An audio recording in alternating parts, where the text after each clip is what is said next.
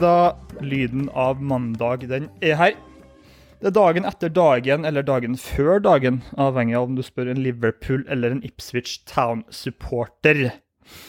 Det er jo min store ære å få ønske deg, kjære lytter, velkommen inn i vårt mandagsstudio av denne mandagsepisoden av Spill inn. Mitt navn er Sindre Eliassen, Ipswich-supporter, som ser frem mot Ipswich mot Accrington Stanley på tirsdag kveld. Og utrolig nok, til tross for forventninger om både sykemelding ja, og Jeg skal ikke begynne å tulle med selvmord, det skal vi ikke tulle med. Men isolasjon, iallfall. Og mot alle odds så har vi med oss Manchester United-supporter Sjurtan Nullstad. Hallo. OK, OK, OK. Vi skal drive og grave meg enda lenger ned, ja. Det noterer jeg. Det er nesten sånn at vi bare avslutter her og nå. Hvis det er sånn det skal være. Det ordspillet må du bare anerkjenne, eller hva? Når fant du på det her? OK. Du, du spør, jeg svarer. Jeg satt jo på Ja. Ekstra Arena med min gode venn Magnus, Magnus Halgunset i går. Og Mm. satt jo bare og Jeg var jo hyppig inn på flashcore utover andre omgangen for å følge med på cornerspillet mitt i den kampen. Eh, og det kom jo Våres, våres mener jeg. Ja, våres. Og der kom det jo mål på mål på mål. Og så sa jeg til Magnus Ja. at ja, i morgen har jeg Kjartan tenkt å ta en innspilling, så det her blir jo naturligvis et tema. Og da spurte han meg finnes det noe ordspill på 7-0 og Kjartan Nullstad. Så jeg gjør det det, da? Og så kom bare Sjurtan Nullstad til meg. Og den er fornøyd med. Jeg kan eh, respektere den. Det er ikke det dummeste jeg har hørt. Men eh, det er klart at du liker å slå, slå en som ligger ned fra før av. Det syns jeg jo er ufint. Men eh, vi får bare stå i det i dag. Ja, noen, noen holder jo med et lag som vant 4-0 i helga, noen holder med et lag som tapte 7 eller sånn, sånn er fotball. Men eh, vi må dvele litt ved gårsdagen. Kjartan kan jo bare fra spøk til alvor. eh, så uh, utvida høydepunkter på match of the day fra kampen i dag. Eh, første omgang så det som det var gjenspilt sjanser begge veier, og kunne vel stått både 1-0 til, til begge lagene der. Hva, hva din, eh, hvordan føles det nå når ting har lagt seg absorbert seg og fordøyd etter eh, dagen etter eh, fadesen? Nei, det var jo et lite gufs fra, fra fortida, der. Det har vært uh, Siste årene så har det vært noen stygge smeller. Og Ten Hag har jo faktisk rukket å- allerede vært med på, på tre nå. Der vi taper 4-0 mot Brentford, har tapt 6-3 mot City, og det, det er en gjeng som virker som at når ting butter imot, så klapper de fullstendig sammen. Og det trodde jeg de hadde fått orden på. Og med lederskikkelser som Varan og Casemiro, så kunne ikke jeg forvente at eh, det skulle skje, men eh, så feil tok jeg. Og det var rett og slett forferdelig. Og nå skal jeg ikke si hvordan det var etter 4-0, for jeg er rett og slett så barnslig at jeg måtte bare komme meg bort. Jeg klarte ikke å se på det der noe mer. Så jeg måtte ut og gå meg en tur. Og fått lufta litt hodet og sånn i både i dag og i går kveld. Og ja, fortsatt like tungt, egentlig. Mm. Det er jo mange sikkert som eh, tok et spill på United-sida i går. Det er jeg glad vi ikke gjorde, for det kunne ha vært uh... Det er lett å gå den fella, fella, fella. Det, altså, det var jo ikke en 7-0-kamp. Jeg så bare kjapp XG-en i kampen, og det var hva var det, 2,92 på Liverpool og 0,96 på United, så det er jo en 3-1-kamp, da. Uh, hvis man skal høre, følge den modellen blindt. Men uh... du har vært med på tap som fotballspiller sjøl. Jeg vet ikke om du har noe 7-0-tap på samvittigheten, men eh, hva, hva gjør man dagen derpå? da? Hvordan ser mandag ut for Manchester United-spillerne i dag? Eh, det jeg så på Eller rapportene forteller jo at eh, de skulle egentlig ha fri i dag, men de hadde en eh, trening grytidlig i dag som Ten Hag eh, krevde at alle skulle stille opp på. Så jeg vil tro at det, det er oppvask som eh, bare det. Det er jo Det er jo gjerne dit man går, og man tar vel en god prat hele spillergruppa og prøve å nøste opp i hva som egentlig skjedde. For sånn som første gangen så ut, så det var ikke i nærheten av å ligne på noe 7-0-kamp. Det var jo bare når det kom 2-3-0 på, på kontringa der, at det bare De mista det. Det var ikke i nærheten av å klare å stenge igjen heller. Og det overrasker meg veldig med, med sånn som det har skjedd ut siste månedene. Mm. Med et stopperpar som vi har snakka om er verdens beste, og i tillegg til, til Casemiro og Fred, som har fungert så bra sammen, så ja. Det er, det er mye å rydde opp i, men vi håper jo at de slår tilbake med så fort som mulig. At de Ja. ikke lar det der definere sesongen, som Rashford sa så fint i dag. Vi kommer tilbake til det, men uh, hva, hva skyldes det, tror du, at den kollapsen oppstår? At det er vanskelig for meg å svare på, Sindre. Jeg har ikke eh, Er det en har ikke- 100 psykisk ting, eller er det ferdigheter det går på? Det der er jo- har jo skjedd før med Lange her ganske mange ganger. Og fra Jeg vet ikke. Kanskje det var en liten sånn uh, uh, Nei, de har slitt med å løse de greiene her før, og tapt vel 0-5 hjemme mot Liverpool i fjor, og tapt Ja, vel eh, 4-0 ja, borte. 9-0, tror jeg sammenlagt det ble i fjor. ja, 9-0 sammenlagt, ja. Så det er, det er jo på nivå med til og med Bournemouth og Forest og lagene der. Taper jo ikke 7-0. Det er jo ytterst sjelden. Burde vel tatt 9-0 mot Liverpool. eh, Det gjorde de jo, men de gjør det ikke ofte. Jeg føler det her er noe som skjer med United litt for ofte, da. Mm. Med tanke på den kvaliteten som ligger der, og hvor bra de har vært ellers. Og, men vi snakka jo i podkasten her før helga at det har ikke skjedd så bra ut i siste. Og Nei. kanskje et kampprogram som har vært uh, litt i tøffeste laget, som de kjenner litt på nå. Mm. Ikke vet jeg.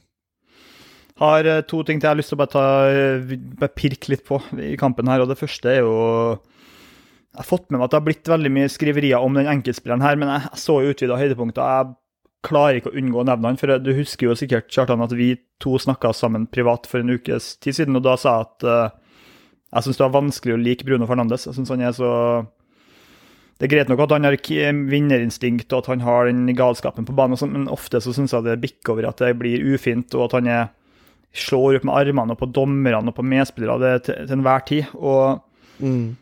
nå, nå så jo ikke jeg kampen, men uh, som kaptein Hvordan er det å ha en sånn spiller på, på laget sitt når det går uh, såpass åt skogen som det gjorde i går? ja, det virker ikke som å være fyren du vil ha som kaptein når det butter, fordi kroppsspråket hans er, er ganske så jævlig. Og så det er jo klart, når det renner inn fire, fem, seks, så er det vanskelig å ikke bli likegyldig, liksom. Og man gir jo opp, og ja, jeg skjønner jo at han slår ut med, med hendene òg, men uh, som kaptein så må han jo prøve å prøve å bidra til å holde laget samla og, og alt det der, og det virker som han ikke kanskje er helt rett type til. Og jeg er jo egentlig ganske bla, glad i Bruno. Han er en fantastisk fyr til å sette eksempel, både med arbeidskapasitet og alt det der. Han er jo helt enorm. Eh, men eh, akkurat når det går imot når det går bare mot han og laget, så, så er han kanskje ikke så fin, nei. Jeg kan være, være med på den. Ja, og da må man jo man må jo kunne anerkjenne, eller erkjenne at han ja, han drar medspillerne med seg i form av arbeidskapasitet, kvalitet. Den her interessen for å vinne en fotballkamp er jo veldig til stede. Men Mm. hvis du ikke har den fulle pakken, da, at du klarer å være til stede og samle lagkameratene når- det går dårlig, så er jo egentlig det en såpass stor del av det å være kaptein at hvis man ikke behersker det, så burde, burde kanskje noen andre ha bindet. da. Ja, du er kanskje inne på noe der, men uh, ja, det er lett å si at det er en sånn kamp å sitte og slakte den, men du har jo vært eh, kritisk til den tidligere, da. Det vet jeg jo. Jeg har eh, egentlig alltid likt den som kaptein, men jeg har sett tegn på at uh, alt ikke er helt perfekt med han heller, men uh, det perfekte mennesket finnes vel heller ikke, Sindre. Men Kjartan, du har Bare fortell historien, forresten. Du har bytta draktnummer fra, fra 15 til 18, er det sånn å forstå? I Levanger? Mm. Kan du fortelle meg grunnen til det? Angrer jeg for det nå? Nei, nei, det er ikke, det her er ikke ment som et hån. Jeg bare spør deg, for grunnen til det var Casemiro. Og det er jo en spiller som Ja. Hvorfor er ikke han kaptein, eksempel? Er ikke den naturlige arvtakeren etter, til Bruno Fernandes nå når eh, Jeg bare føler at det Nå gir når- veldig mening. Nå er jeg spent på hva du insinuerer. Nei, overhodet ikke noen insinuasjon i det hele tatt. Jeg tenker bare at han At du har en sånn spiller i laget, en åpenbar verdensklassespiller på banen. Åpenbart en verdensklassefyr i tillegg, sånn som jeg har forstått det. Mm. Og åpenbart en veldig bra lagkamerat. Så for meg virker det veldig logisk og innlysende at han bør være kaptein i laget her, men selvfølgelig, det, det sitter jo folk eh, og styrer beslutningene på, på bakrommet som, føl- som kjenner spillerne tusen ganger bedre enn meg. Men sett fra utsida så syns jeg det virker logisk at Casemiro skal være kaptein for det laget der. Eh, ja, det kan jo ha noe med å gjøre at han ble henta litt seint. Ja. Han kom jo i Ja. slutten av august, da, og kapteinsteamet var satt. Og du vet jo hvem som egentlig er kaptein til United. Ja, jeg, altså, det er tre personer assosierer med kapteinspinnet for United i år, og den ene er jo Harry Maguire, som du Han er jo nummer én, så hvis han spiller Også Cristiano Ronaldo selvfølgelig var jo den andre. Som, Mm. så det er kanskje, kanskje noe man skal ta en evaluering på ved sesongslutt. Kanskje han har truffet på mye Ten Hag, men akkurat uh, der så er han vel ikke helt på ball. Men eh, altså, hvor viktig er det hvem som har bind og ikke? Alle tar jo det ansvaret de føler de må ta. Mm. Og jeg tror Casemiro er en sånn type som tar det ansvaret uansett, da. Det virker jo sånn. Og nå skal jo sies at han hadde en eh, fryktelig kamp i går. Jeg så en statistikk på at han traff på 61% av pasningene sine, og så lavt har ikke det vært fra han siden 2016, tror jeg. Nei. Så det sier vel sitt hvor, hvor mye både han og United sleit med det fantastiske høydepresset til Liverpool. For det må Mm. man jo bare anerkjenne. Absolutt. Du, vi beveger oss videre. Jeg hadde egentlig tenkt å ta en Segway fra én Manchester United-tilknytning i deg til en annen en. Uh, Darren Ferguson, sønn av sir Alex. Men Ja. uh, du skal rett i et eh, Zoom-møte med noen student, uh, med studenter. Etterpå, så jeg skal Mhm. ta en kjapp recap av League One etter det. Du, du rekker jo dessverre ikke å høre min analyse av hvorfor Ipswich nok en gang vinner stort hjemme mot et dårlig lag. Heldigvis så får jeg høre det etterpå, da. ok. Eh, jeg tenkte også på stikkordlista mi over ting jeg har lyst til å snakke om i forbindelse med gårsdagens kamp på Eller søndagens kamp på Anfield, var også respons, spørsmålstegn. Eh, den kan vi komme litt tilbake til, men Champions League, da. Har du sett ut noen godbiter i den, eh, på den menyen? Ja, jeg syns det er fine kamper ikke her. Og først og fremst så kan vi jo se litt på tirsdagskampene. Du har jo Benfica mot Klubb Brygge, og det er lag som eh, vi dessverre har sett for lite. Og Benfica er nok det klart beste laget og virker til å være ha et steg inn i kvartfinalen med det Mm. utgangspunktet her. Men så har du jo en interessant eh, kamp på Stamford Bridge, i Chelsea mot Borussia Dortmund. Mhm. Og der har jeg jo et lite spørsmålsspill, da. Jeg vil jo tro at du kanskje har noen tanker der sjøl. Jeg må jo si det som det at jeg følger jo svært lite med på tysk fotball, så Mm. Jeg tror ikke at mine tanker skal være så veldig eh, eksplisitt her. De kan jeg holde for meg sjøl, og kanskje bare prøve å overtale meg sjøl til at jeg har ikke peiling på hva jeg snakker om, så ikke snakk om det. Ikke, OK. Men du så den første kampen? Nei. Det gjorde du. Da så jeg jo Det var samme kveld som Arsenal spilte mot City. Det stemmer. Stemmer. Så det var kanskje vanskelig. Men eh, Jeg så siste fem minuttene. Din lookalike Det har jeg aldri sagt, men jeg syns du er snarlik Enzo Fernandes i utseendet. Og han eh, hadde jo et skudd på, på tampen der som eh, ble redda ut til corner. den vet ikke om jeg ser. Men eh, bra spiller, så det, jeg kan gjerne ta den. Uansett så eh, Ja, vi vet jo at Chelsea kommer jo til å være desperat her, med det utgangspunktet. Jeg har jo hørt at du har sagt at du syns 1-0, eller at man er under med ett mål, er et greit utgangspunkt. Det mener jo du. Men likevel så må man jo vinne på hjemmebane, da. Mhm. Og det fører jo til at jeg syns at eh, Chelsea At de skal få flest cornerer, kombinert med at det blir over 7,5 cornerer i matchen til 1,84, er et ganske fint spill. For det kommer til å bli sånn som jeg ser det, vi vet at Dortmund har vært bra, men hvis vi så den kampen på Signal i Duna, det var ganske så Chelsea-dominans i den andre gangen der. Mm. Og hvis det kommer til å være et sånt eh, Det kommer ikke til å være et så vedvarende press hele matchen. Men hvis du ser tendenser av det, så kommer det til å bli bli mye avslutninger, mye skudd fra Chelsea, og da er det rart at, uh, at vi får 1,84 i odds på at uh, på det spillet her. For det kommer til å bli et kjør uten like. Og det betyr jo cornerer, i tillegg til at det er Chelsea som kommer til å stå for det meste av det som skapes, da. Det er i hvert fall min spådom. Ja, hvorfor ønsker du å, kombinere Chelsea flest hjørnespark med over 7,5 i kampen? Hvorfor ikke over 5,5 Chelsea-corner i stedet? Til 1,93? For vi har sett Chelsea har vært litt sårbar på kontringer mot alle lag, og de får en del skudd imot seg. Og da kan det bli en del cornerer totalt, da. Og hvis Chelsea og at Dortmund skal få to cornerer, to-tre cornerer, det har jeg ikke noe problem med å se at de skal få, da. Mm. De er et såpass godt fotballag. De har vel fem strake i Bundesliga nå og er A-poeng med Bayern. Så det er jo et bra fotballag, men jeg tror jo Chelsea er hakket hvassere, da. Det tror jeg. Ja, bare for å si det sånn, da. Hvis, du, hvis det spillforslaget ditt skal gå inn, så er Chelsea nødt til å ha fem corner uansett. Eh, ja, det stemmer faktisk. Det er sant. Så da er jo spørsmålet Ønsker du da Da vil f.eks. Chelsea over 5,5 og Chelsea flest cornerer, da vil det spillet gå inn hvis de vinner 6 igjen i corner, f.eks. Mm. Eh, som er selvfølgelig et veldig spesifikt corner-resultat. Men eh, det er bare interessant at du tar den varianten der, for det har jeg aldri egentlig tenkt på sjøl. Jeg var bare off record, eller off record off record, men eh, jeg var så på en interessant variant i en League One-kamp i dag, der jeg så på Wycombe flest cornerer under 13,5 i kampen. Eh, og det var snodig. Jeg valgte jo å stå over den. Wycombe under Nei, Wycombe flest cornerer og under 13,5 hjørnespark i kampen. Okay, um, ja. Og det tenkte jeg Det blir for ubehagelig å se på, tenkte jeg. Um, ja. jeg har egentlig ikke noen sterke meninger. Jeg syns det er vanskelig med cornerer i um, sånne kamper, for det er ofte veldig bakt inn i prisen. Um, ja. Og så er det også at oddsen på Chelsea-corner har gått ned litt de siste timene. Den var over 1 uh, over 5,5 var over 1,80 i dag formiddag. Nå er den 1,75. Og mm, ja. Men da er jo så godt, Sorry, jeg må bare fullføre. Et veldig godt argument favør det du sier, er jo at, mm.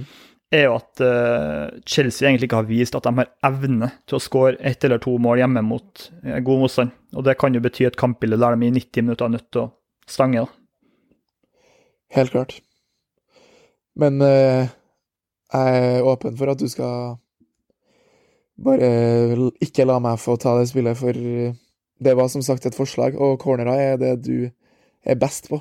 Men eh, Bare sånn umiddelbart Jeg syns det var en liten verd... Det, jeg syns det, det, var en liten verdi på at Chelsea skulle få flest cornera til 1,48, og da det, har jeg trua på at det blir litt cornerer i matchen, og mm. derfor så tenkte jeg at det kunne være et OK spill, da, men uh, Hvis det er et spill jeg ville ha tatt der, på samme side som det du snakker om, så er det Chelsea flest hjørnespark. Over ja. 4,5, og at de skårer under 2,5 mål, for da er det liksom Da legger du og Da får du en odds på 2,06, og det mener jeg, da, da begynner du å kombinere ting som er Altså, hvis de vinner 5-0, mm. så jo, har du jo bomma på analysen din i utgangspunktet. Um, så det kan jo være noe å tenke på. Ja, det er tre faktorer som skal gå inn, da. Men jeg mm. vet at du er ikke Du er ikke redd for å ta sånne spill, men vi kan godt uh, ta et sånt spill, for jeg vil jo ha, ha et sånt uh, Jeg vil ha et spill på den sida, da. Ja. Kan vi bare ta det på oppsummeringa, så bare går vi litt videre. Uh, har du noen tanker om Bayern München-PSG? på onsdag? Ja, ikke så mye annet. Jeg syns linjene og diverse så rett ut. Jeg bare ut ifra den formen han godeste Kylia Mbappé har vært i etter han kom tilbake fra skade, så syns jeg 2,43 på at han scorer, er småhøyt, da. Men så vet vi jo at Bayern kommer til å ha mest ball og kanskje dominerer den kampen her ganske stort, og da er jo kanskje det riktig også. Litt mm. vanskelig å, å, si, men 2,43 var småhøyt, da. På men, at han skårer ett mål. Ja, bare en interessant uh, ting jeg må legge til der. Jeg følger jo ikke med på lagene her i det hele tatt, men Mållinja i matchen er 3,5. Det er to 16-odds på 3,5 mål, og da forventer markedet fire mål. Eller, eller markedet forventer ca. tre mål. da. Mm. Eh, og da er jo sannsynligheten for at Bayern skårer flest, er jo størst, selvfølgelig for at de er favoritter. Men da er jo sannsynligheten for at PSG skårer ett mål, er jo også til stede. For du får 1,48 på begge lag skårer. Og ja. da må man jo begynne å tenke hvem er det sannsynlig at skårer det ene eller de to målene, et av de to målene eller et av de tre målene til PSG, nei, ja, for PSG. Og da mm. har du jo rett. Da er jo Mbappé en åpenbar eh, fyr som vil eh, stikke seg ut og være med og være en sannsynlig målskårer. da. Han er det, så du syns at tanken er OK? Ja, når det forventes mål i kampen, så syns jeg det er en OK tanke. Og så har jo Bayern visst tegn på at de er litt uh, skjør, og Mbappé kom, kom fra tre-fire uker ut og rett inn uh, Kom inn som innbytter sist de møttes. Spilte en liten halvtime. Mm. Og rakk jo å skape fullstendig kaos på en halvtime. Han fikk jo et annullert mål også. Stemmer. Og når vi, og når vi da får 2,43 på den som skårer her, Ja, Allianz, det, det er tøft, selvfølgelig. Men vi snakker jo kanskje om verdens beste fotballspiller, og men han er, han er jo en av de beste avslutterne i verden. Og det er jo ganske sinnssykt hvor, hvor moden og hvor god han eh, egentlig har blitt. Ja, Hvordan er Bayern defensivt? da? Slipper de til mål og sjanser i Bundesliga?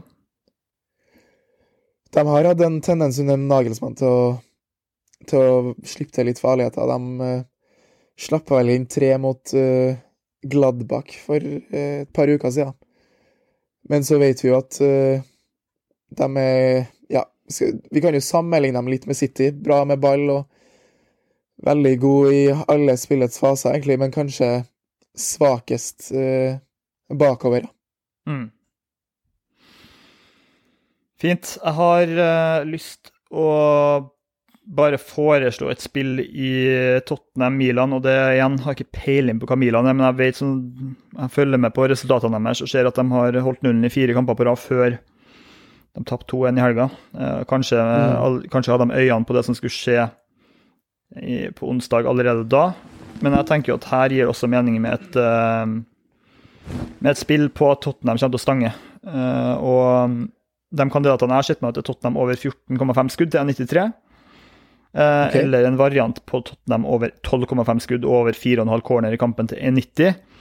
Og på sånn helt generelt grunnlag så liker jeg også Tottenham minus 1,5 cornerhandikap og over 4,5 hjørnespark til 1,83.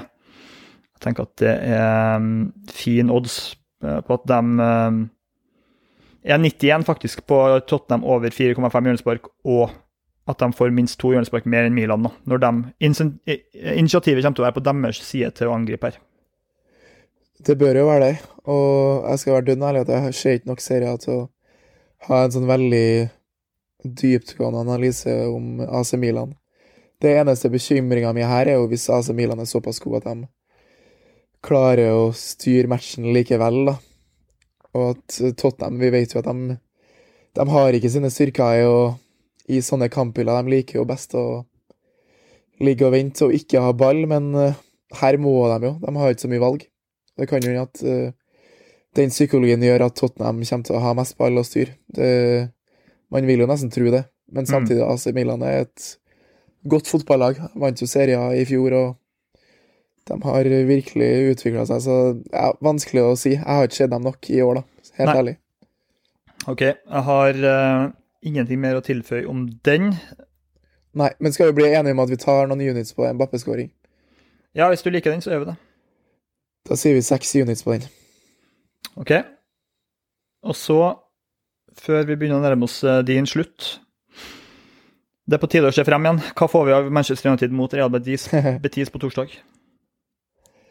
Jeg håper vi får et lag som skal virkelig slå tilbake, men det, i dag så er det tungt å se på den kampen, altså, for det var så nedtur på søndag at uh, det er litt for ferskt. Men, uh, og det tror jeg er for dem òg, men jeg tipper at uh, de gjør alt de kan for å, for å reise seg, og kanskje trengte de den vekkeren her skikkelig, siden det har ikke gått eh, Resultatene har vært fine siste ukene, men eh, spillet og det som har ligget bak, har ikke eh, gått på skinner i det hele tatt. Så jeg forventer egentlig en respons, og en ganske god en også. Mm. Men jeg syns at uh, 1,45 mot et uh, godtspillende Real Betis var, var det knappeste laget. Så jeg vil ikke at vi skal ta noe der, sånn egentlig. Jeg har lyst til å spille eh, skudd på United der. Jeg tror det kommer til å være okay. en veldig, veldig innbitt gjeng som møter opp på, på Old Trafford på torsdag, og som har noe bevis. Og når du får den skuddlinja på 15,5 på, på United hjemme, så syns jeg den eh, bør tas.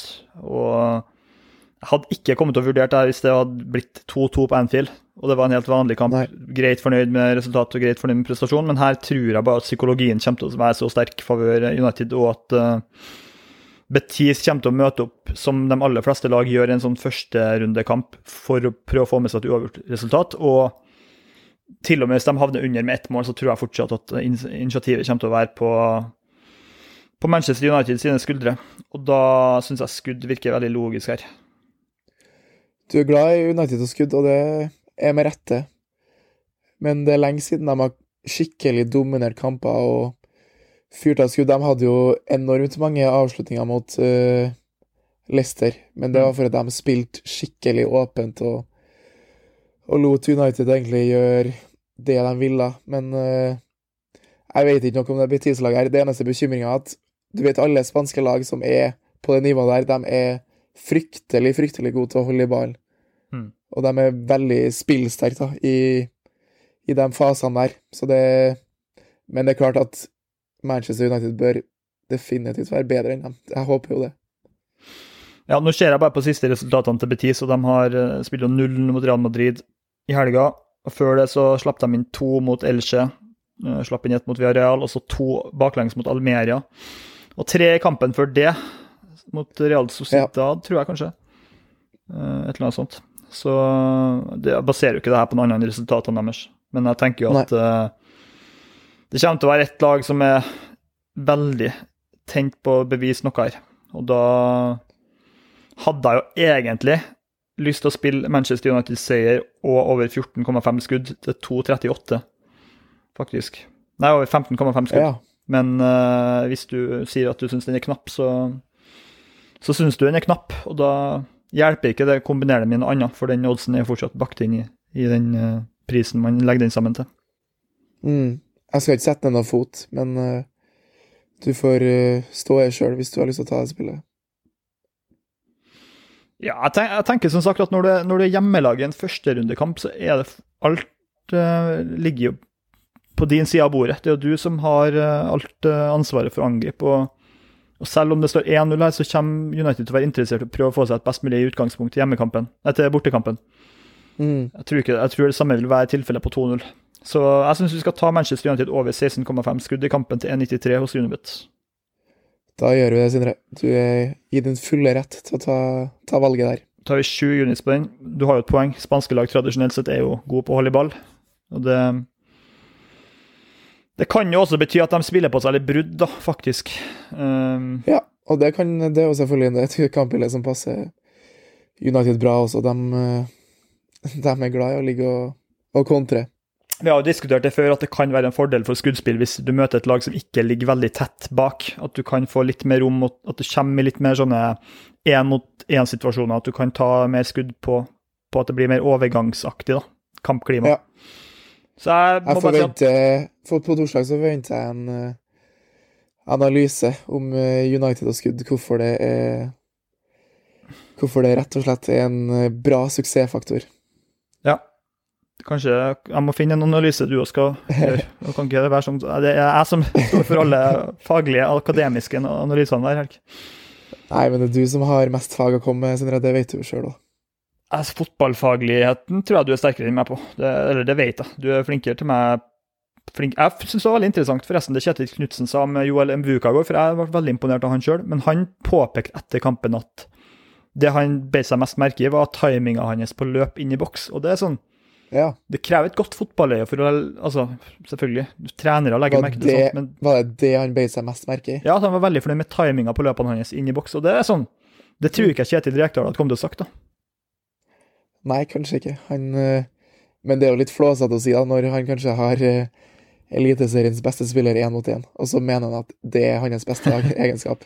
Nei, det sa han ikke. Nå må ikke du begynne med stråmenn. Han sa at eh, det var det han var mest imponert over i kampen av Muka. Ja, og i den kampen, ja. ja. Jeg skjønner. Men du, du er ikke su... Du, er ikke, du angrer ikke deg for spillet vi har i Eliteserien vår på at Bodø-Glimt skal, skal vinne etter eh, kampen du så på søndag? Nei, en ting som overraska meg veldig, var at det var forholdsvis jevnfordelt på ballbesittelse. Jeg vet ikke om du så det, men Bodø-Glimt hadde jo 52% ball. Det syns jeg var overraskende lavt. Ja. Kåre mulig han prøver å implementere en uh, possession-orientert stil, da. Ja, vi kan komme tilbake til det på torsdag. for Vi har ikke tid til å sitte og snakke om uh, Ranheim nå. Men uh, hva vil du lande på i Champions League, da? Vi tar det United-spillet, som sagt. Jeg tror vi skal ha 80 ja. unispoeng, for jeg liker den linja veldig godt. Um, okay. Og så tar vi uh, Hva hadde du lyst til å ta i Chelsea-kampen? Vi kan godt stå over den, hvis du var skeptisk, og jeg vil ikke drive og ta noe corner cornerspill uten at du er med på det. Da kan vi godt uh, holde oss til Kylia Mbappé-skåring i Bayern München mot PSG. Ja. Til 2,43. Yes. og det var seks units på den. Og så Når er det med å gå, Kjartan? Jeg tenker vi må si noe. Ok, nå når jeg skal begynne å snakke om ligaen, da forlater du, forlater du podkaststudioet. Det er greit, det. Det er kynisk av meg, men eh, sånn er det. Ja. Da snakkes vi. Yes. Ha det bra. Vi ses på torsdag. Da er jeg på egen hånd igjen, og um, vi skal snakke litt om det som skal skje i midtuka i ligaen. 1. Jeg har spill i to kamper. Det er totalt tre spill. Det første er i kampen mellom Ipswich og Accrington Stanley. Der eh, er det jo åpenbart stor nivåforskjell på det Ipswich eh, holder på med nå, og det bunnlagene i ligaen holder på med akkurat nå. Accrington Stanley på lørdag slo Forest Green 2-1, men var heldig og burde ha ligget under med mer mål til pause, selv om Forest Green tidlig ble uh, Fikk en mann utvist og havna Måtte spille med én mann mindre inn ja, godt over en omgang. Det er klart til og med å skape sjanser med ti mann i andre omgangen. Og det her er jo laget som ligger soleklart sist i One. Jeg forventer virkelig at Ipswich møter opp her og, feier over et Accrington Stanley-lag som er grusomt på bortebane. De har 3-5-8 i borteprotokollen og 9-24 i målforskjell. Det er laget som har definitivt desidert færrest skåra mål borte i, i engelsk fotball nivå 3. Uh, mitt første spill her, Ipswich minus 2 asiatisk handikap til 2,28. Fire units på den. Og så skal vi ha fem units på at Ipswich win to nil. Som sagt, du møter et lag som har skåra ni mål på hjemmebane. Ipswich er det laget i England med Manchester City som slipper til færrest skudd per kamp. 7,6 i tallet. Uh, færre enn Arsenal, til og med. Det er imponerende. Så 1,95 er faktisk oddsen. Så den skal vi ta. Og så, i samme kamp, skal vi ta Ipswich uh, over 5,5 hjørnespark. Accrington under 4,5 hjørnespark og Accrington under 1,5 mål til 1,96. Sju units på den. Og igjen, Accrington tror jeg kommer til å anse det her som en kamp som er mer eller mindre en bonusmatch for dem. Det er hjemmebane, poengene deres må plukkes. Nå er det et tett kampprogram. Så at de kanskje vurderer å gjøre noen disposisjoner i laguttak og spare et par viktige spillere. Jeg tror ikke det kommer til å skje, men jeg tror heller ikke det er umulig. Så det her skal være grei skuring for Town, og selv om de tar ledelsen, så kommer de til å fortsette å spille og angripe. og mange som kanskje følger med på cornerstatistikken i League One, ble jo kanskje litt overraska over at Ipswich tapte hjørnesparkstatistikken 3-8 mot Burton på lørdag. Men Burton de sto opp høyt, tok ut Ipswich mann-mann over hele banen. Og det gjør noe med kampklimaet som, som ikke er tilfellet når du møter et lavtliggende, kompakt, defensivt orientert lag som er Accrington Stanley sin klare tilnærming på bortebane. De har spilt 0-0 nå i to bortematcher på rad og har prøvd å snøre igjen sekken mer. Så jeg syns det er god verdi her på at uh, Ipswich skal gjøre jobben hjemme mot et veldig svakt lag. Jeg mener at de kanskje per dags dato er det dårligste laget i League One. Så dem uh, har jeg ikke noe trua på kommer til å score. Vi går videre, og da tar vi ikke noe corner-jingle-hjørne corner i dag, men vi forteller dere at vi spiller i kampen mellom Cheltenham og Lincoln City. Der tar vi under 10,5 hjørnespark og under 2,5 Cheltenham-mål til 1,70. Sju units på den. Og Grunnen til det er jo at Cheltenham fortsatt kun har gått over 10,5 hjørnespark i en hjemmekamp i år, én gang. Det er lite. Og i tillegg her så møter de et Lincoln City-lag som pleier å dra ned tempoet i kamper. Eh, jeg er fornøyd så lenge de holder nullen. De har en veldig bra defensiv statistikk, eh, Lincoln City. Og tenker at det kommer til å fortsette. Eh, Cheltenham ikke spesielt truende når de går framover i banen. Alfie May, bra spiller. De har et par andre, men de mista bl.a. Dan Ndulu i januarvinduet til Bolton. Så jeg håper de rykker ned, for vi har et spill på at de skal gå ned til 3.30. Jeg tror fortsatt det er mulighet for at de kan gjøre det. Men en målfattig kamp i Cheltenham, der de driver med heste, hva det, hundeveddeløp eller et eller annet sånt. I Cheltenham-området. Det er jo også en festival der. Det tror jeg blir en eh, sjansefattig affære med få hjørnespark. Og når et lag nesten i slutten av sesongen bare har gått over 10,5 hjørnespark én gang på hjemmebane, så syns jeg det er en linje vi er nødt til å ta enn så lenge. Kikka også litt på Peterborough Shrewsbury. Der er jeg frista av å ta Peterborough-cornera, men velger å stå over den. Litt uh, blir ikke helt klok på hva de representerer under uh, sønnen til sir Alex Ferguson, Darren, men uh, at de skal skape sjanser og være det førende laget mot et veldig defensivt orientert Shrewsbury-lag, det er jeg sikker på. Så får vi se hvordan den går. Men det er mine spill i League One. Jeg rekker ikke å oppsummere nå, for jeg har det litt travelt med jobb nå. Tok et spill i United Betis, vi tok også et spill i Bayern PSG. To spill i Ipswich mot Accrington, og så ett spill i Cheltenham Lincoln. Da tror jeg bare vi avslutter. Takk til alle som hørte på. Takk til deg, Kjartan Nulstad, som, eller Sjurtan Nulstad, som har uh, møtt opp i en liten halvtime før han måtte dra. Og så, som nå sikkert også hører på, min gode analyse av hva Ipswich uh, står for, og forhåpentligvis nok en gang en uh, enkel hjemmeseier mot et dårlig lag. Så høres vi på torsdag. Ha det riktig godt, og kos dere så mye med den deilige ligaen i midtuka.